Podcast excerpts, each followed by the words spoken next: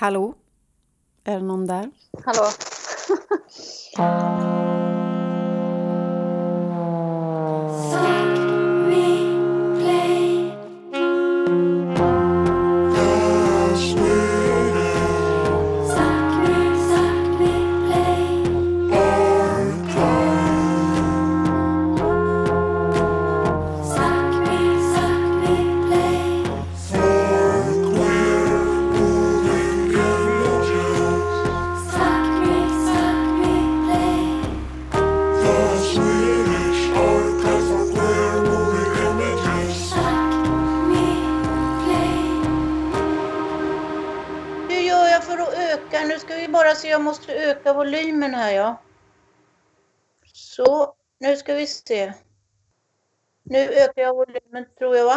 ni säga något? Ja, jag kan prata lite med dig. Hör du mig bra? Ja, nu hör jag bra ja. Ja. Och jag Och Malin? låter så här. Hör du mig om jag pratar så här? Jajamensan, jag kan ta upp lite till. Vad trevligt. Ja, nej men då tänker jag att eh, vi kör igång. Det här är Sápmi Play. I det här avsnittet av Sápmi Play möter Anna Linder och Malin Holgersson konstnären Marie Falksten. Som en del av kollektivet Tjejfilm gjorde Marie den första kända svenska lesbiska filmen Eva och Maria som premiärvisades 1983 på dåvarande queerklubben Touch i Göteborg. Vad ska du göra ikväll då? Få träffa Eva. Eller gå ut. Jag vet inte riktigt. Det var med Eva du var på bio va?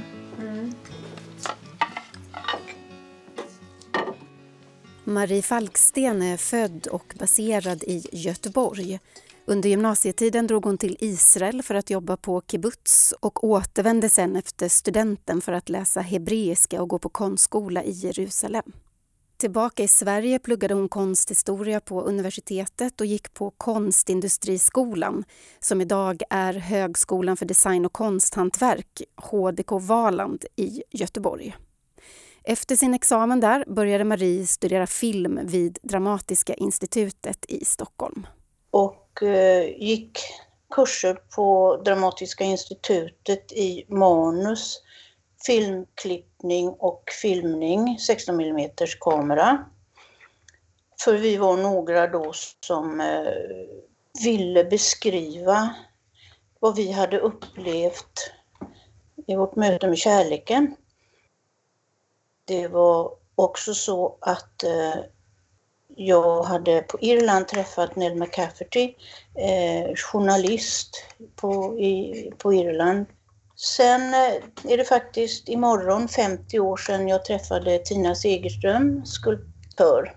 Och vi har alltså levt ihop. Det har väl hänt både det ena och det andra men vi har haft det bra tillsammans.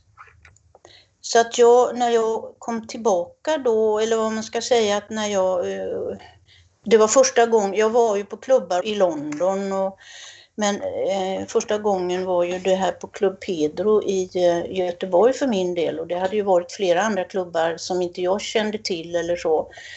För eh, Club Pedro, vad var det för något? det var en, eh, en klubb som låg på mm, Gyllene Hästskon, på eh, övervåningen på Gyllene Hästskon. Det är en korsning Magasinsgatan och upp mot Televerket. Jag kommer inte ihåg vad den heter. Men eh, ja, den, det var en klubb och sen, det utvecklades sen också till att det var Erik Pedersen som hade den. Eh, Att det blev tjejkvällar där också någon gång senare. När Så- är vi i tid nu? Vad är det här för årtal? Ja, det är alltså på 70-talet om man räknar 50 år tillbaka. Mm, Så är det mm. på 70-talet. Och ehm, ja, så, så genom Tina då så träffade jag Anna-Lena Örström som jobbade på Stadsteatern sedermera. Och så träffade jag också Mary Eisekovitz. Och hon gick ju på universitetet och även hade författat en bok som hette Elena. Och vi tre eh, ville då skildra i film, för att vi var, båda, eh, vi var alla tre intresserade av film, så att vi, eh, skrev manus och sökte pengar och så skapade vi tillsammans eh, filmen Eva och Maria som blev klar 1983 och hade faktiskt eh, premiär den 23 i tionde på Renströmska som sedermera blev också en klubb där eh, som hette mm, Ja, nu har jag glömt bort, men det är på Esperantoplatsen. Som, eh, Touch hette den ja, Touch. Den här filmen då, Eva och Maria, den har ju visats i Stockholm också. På Södra Teatern och på Pride-seminarier. Det var ju så att vi fick ju, vi sökte ju pengar på olika ställen men vi fick ju pengar till filmen av Socialstyrelsen.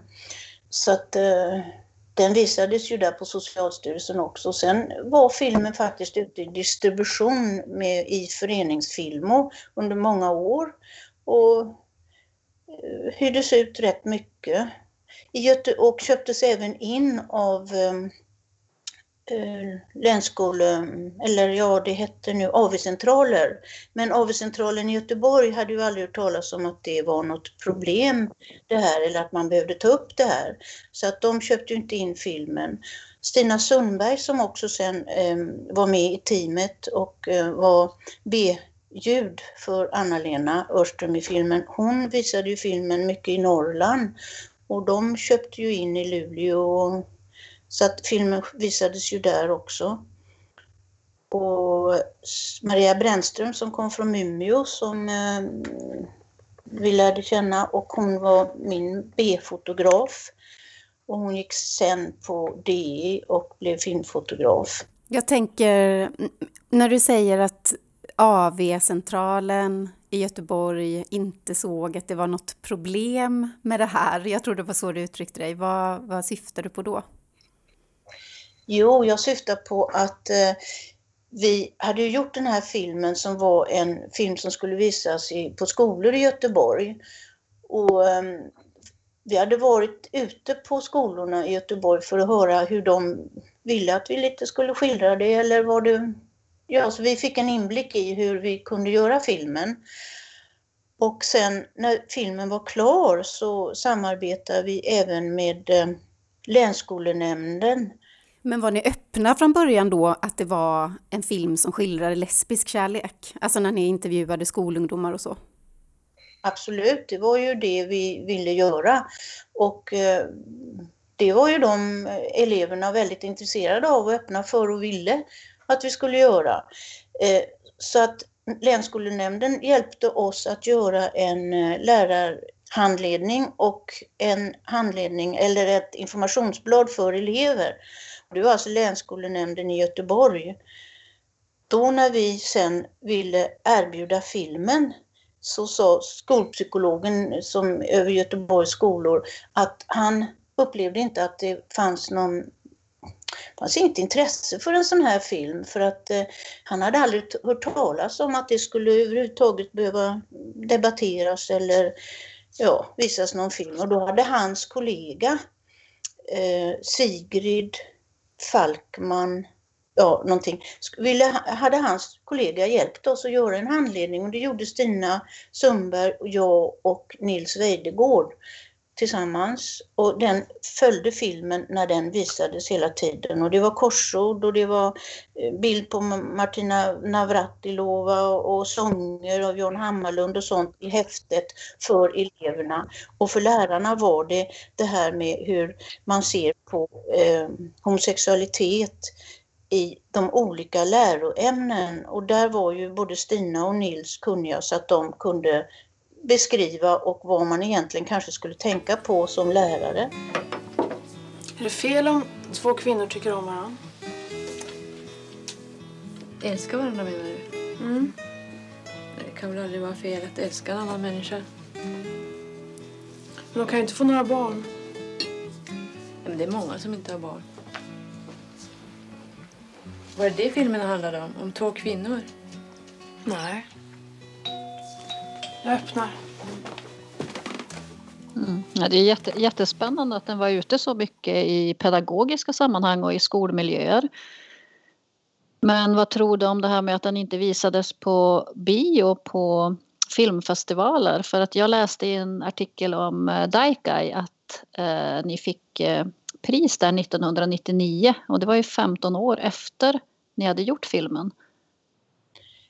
Vi hade säkert, det var så att eh, vi blev nog säkert lite erbjudna att eh, visa filmen eh, på filmfestivalen. Men det var, jag hade så himla mycket att göra och Stina också. Och vi hade inte riktigt eh, eh möjligheter till att göra eh, runt omkring saker för filmen. Men den visades ju nu alltså 2015 på filmfestivalen i Göteborg och den visades ju i, på filmfestival i Uppsala och även i, eh, det var någon som tog med den till England så den visades för biskopar där i England på ett biskopsmöte. Och den skulle visats på en filmfestival i, tror jag det var New York, men då backade Föreningsfilmer för de tyckte nej, vi tar några andra filmer, vi ska inte sticka ut, tyckte de. Men hade den visats då eh, 1983 vilket för mig inte är så himla länge sedan. Man kan inte förstå vilket motstånd faktiskt filmen eh, mötte. När Stina och jag, vi åkte ju runt med filmen och visade den och en gång visade vi den på Burgårdens, eh, i aulan där. Och då var det sjuksköterskor som, från Göteborgs skolor som var där och eh, då reste sig en sjuk skolsyster upp mitt i liksom gången där och skrek att hon skulle aldrig vilja visa filmen för sina elever, för de är ju lyckliga i filmen.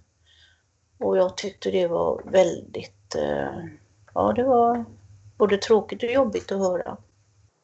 Men så att den mötte både ja, egentligen mest positivt. Sen blev den ju kanske, vi fick ju det här Dike eh, Award, Dike Eye Award 99, men eh, då tedde sig väl kläder och allting kanske som lite omoderna och även kanske sättet och så. Men den var kontroversiell alltså när den kom.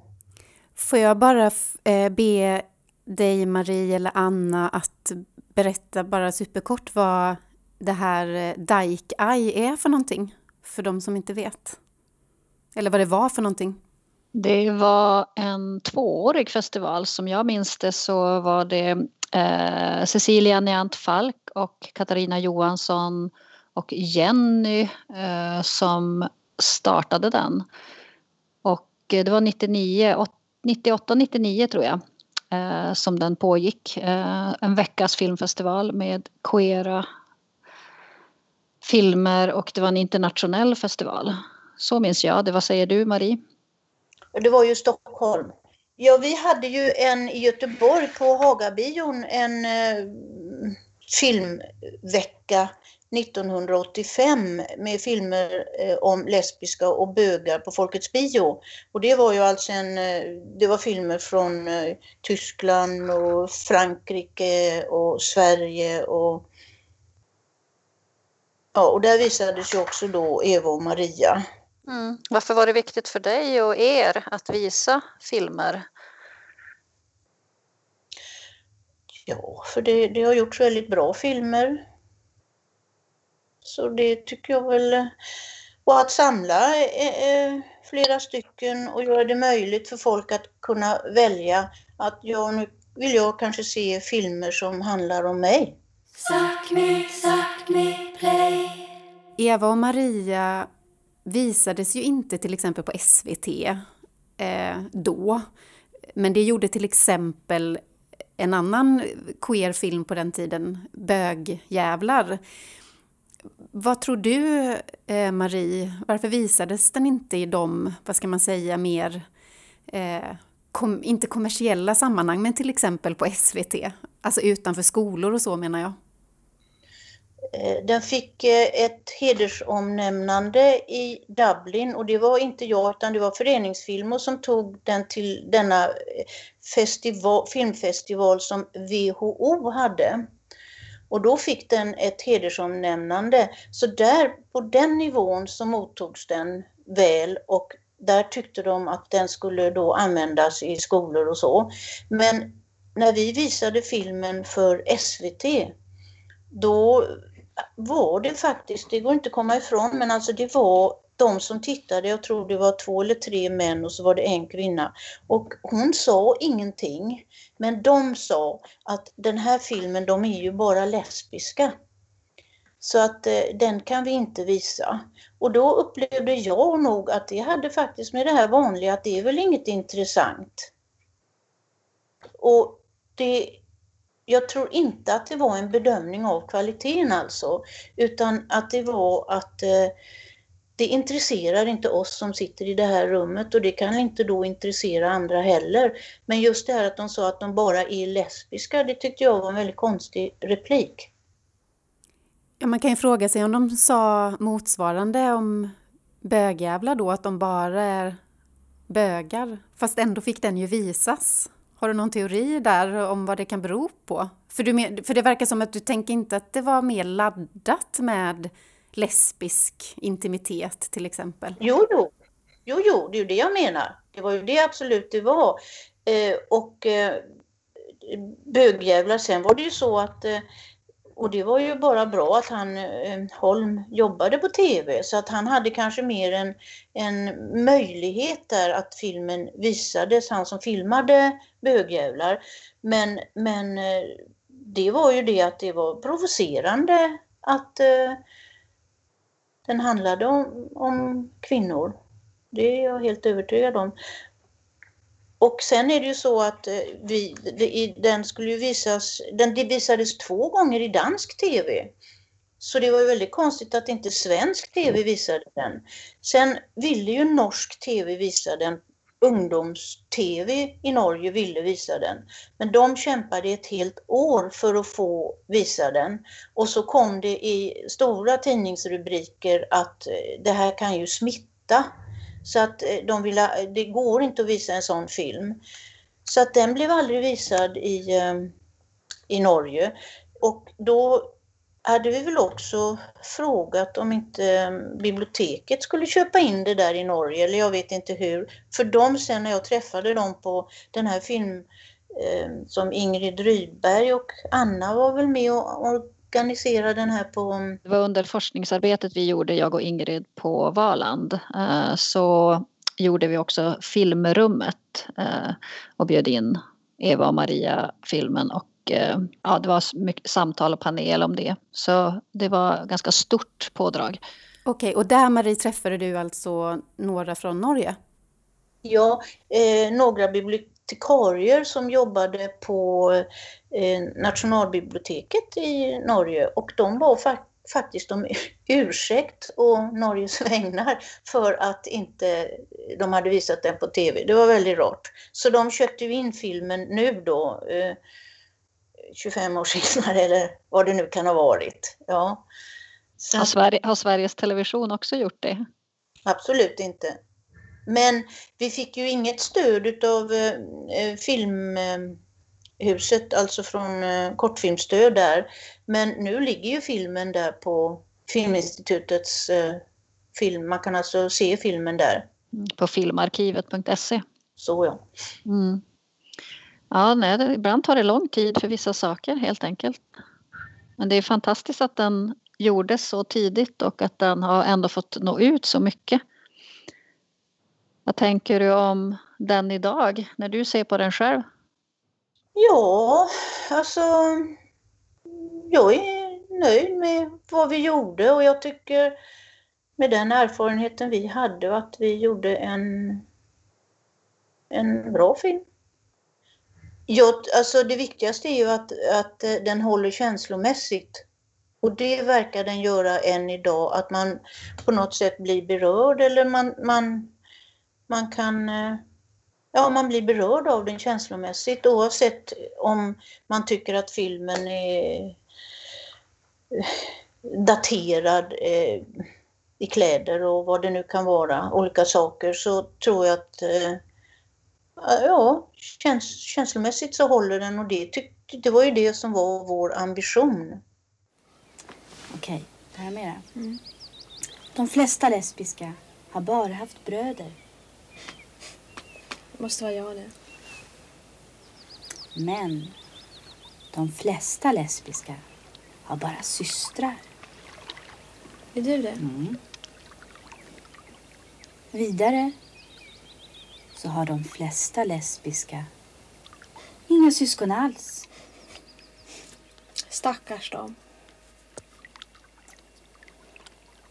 Fast de flesta lesbiska, de är skilsmässobarn. Däremot, i normala familjer tenderar döttrarna att bli heterosexuella. Finns det några normala familjer? Vad tror du?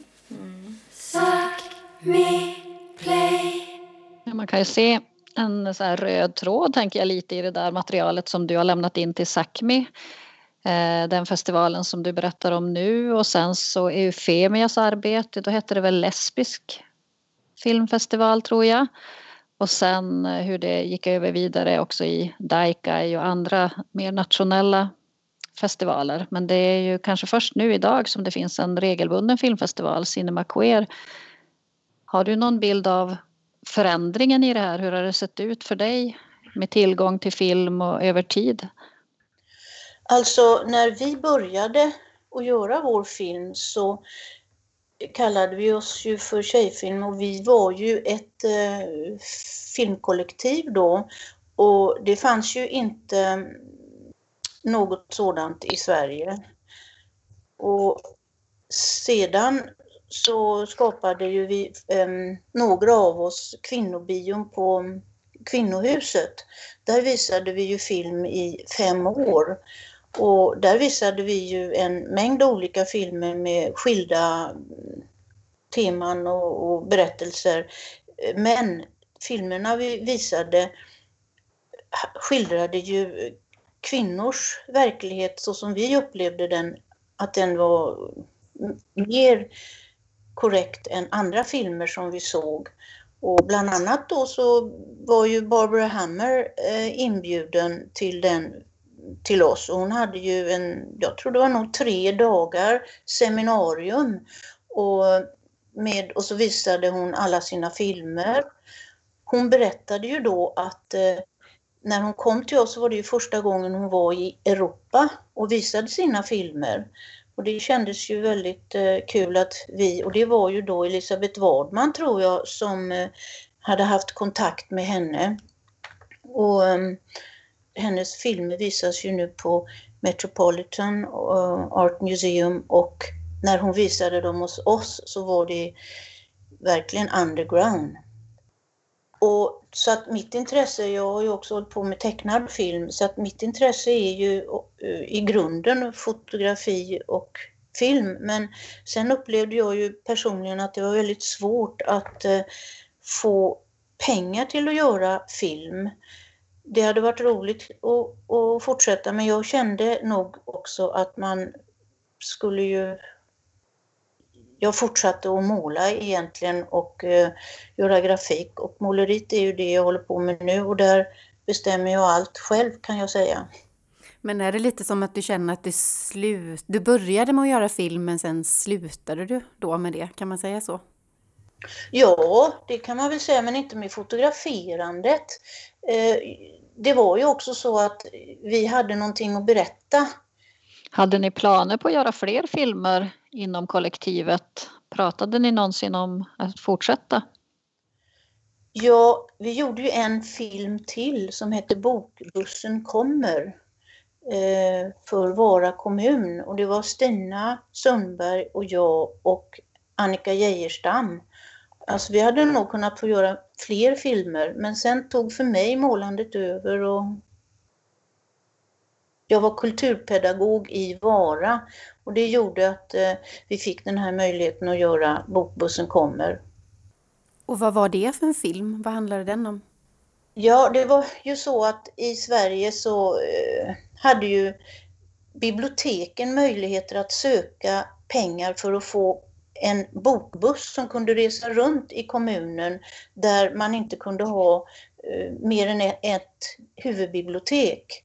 Och då skulle vi beskriva också dels hur det var att låna på en bokbuss och att den, eh, det blev tillgängligt för väldigt många människor. Och sen att eh, det kostade bara en kvarts kilo kaffe för varje kommuninvånare att få lov att ha en buss. Okej, så det, men det låter som att det var någon slags informationsfilm då som gjordes för, åt kommunen eller? Åt Kulturrådet. Så det var en beställning, men, men det gjorde andra saker möjliga för oss eh, vad det gällde Eva och Maria och ja.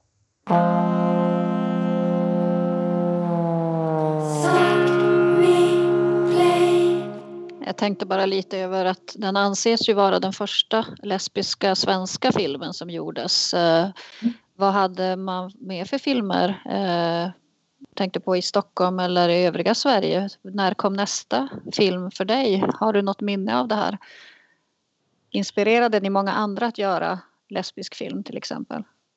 Det vet inte jag. Flickan med hyacint är väl den filmen som jag vet, alltså Hasse Ekmans, väldigt, tyckte jag väldigt fin och den är, kommer jag ju ihåg. Sen vet jag inte riktigt om vi är inspirerade för att det är ju inget, eh, ja det vet inte jag. Nej, det kan man ju inte veta kanske som så. Ehm, jag var bara lite nyfiken på vad det fanns för andra svenska filmer i ja, så här början, mitten, slutet 80-tal. För mig är det lite innan jag själv började se film, queerfilm. Så att jag var nyfiken på vad du minns från den tiden. Men jag tänker, när ni gjorde den här äh, filmvisningen Filmer om lesbiska och bögar 1985, var det inte lite både någon svensk kortfilmstitel och någon dansk och någon finsk film med då? Alltså det var ju den här Du står inte ensam som var en dansk film från 1978 och sen var det ju Avskedet eh, som väl bygger på ehm, Vivica Bandlers eh, biografi, tror jag. Ehm, på något sätt och det var ju Tuija-Maja Niskanen och henne. Vi hade ju också någonting som hette Violetta skymningar. De var också en kafégrupp så de hade kafé där på Första Långgatan men så lagade de mat när vi hade seminarier på kvinnobion. Och eh, då var ju Tuija-Maja Niskanen hade vi bjudit in och hon höll också ett seminarium. Och den var ju då eh, finsk. Och sen hade vi en kvinnas mord av Karol Mack den var från 1982 och var en ungersk film. Och sen Franska väninnor av eh, Diane Curus som eh, var från 1983. Så jag känner inte riktigt till någon annan film riktigt som de hade ju, alltså, vi hade ju kort, eh, en kortfilm av Betagelser, Irene Werner Stage och den var gjord 1984 och Try to Remember 1984 av Stefan Henselman. Och Bögjävlar då också och eh, Anders Als the Anden, det var en stumfilm från 1919. Så eh, det var vad vi visade där då. Ja, jag tänker att det är så otroligt viktigt det ni gjorde eh, genom att också skapa plats för visning av film eftersom det känns som att det har varit sån brist på det eh, och att ska, ska man ja, men, komma åt och se film som inte är det normativa som du kan se på bio eller på tv så är det ju oftast att du får skapa det själv eh, som ni ju gjorde. Ja, men alltså kvinnobion visade ju då um, en, en mängd varierade filmer och det var ju inte bara i, i queera situationer så att säga, utan det var ju, eh, män. man skulle känna den här kvinnoidentifikationen skulle ju vara stark. Och helst att det skulle vara filmer som tekniskt också, eh, regimässigt och tekniskt um, gjordes av kvinnor. Men det var ju inte så många, det kanske fanns kvinnliga regissörer men sen på tekniken kanske det inte fanns så många. Och det började ju eh, i Sverige på eh, Filminstitutet tog de ju in då på Dramatiska institutet. Men det var ju inte så många som hade, Maria fick söka flera gånger alltså. Och eh, där var det, tyckte de ju att hon inte sk- skulle vara stark nog att kunna bära allt, filmkameror och lampor och så va. Och man tycker det är otroligt nu. I och för sig har allting blivit lättare men jag menar Maria var stark så det var inga problem. Men hon kom ju in så att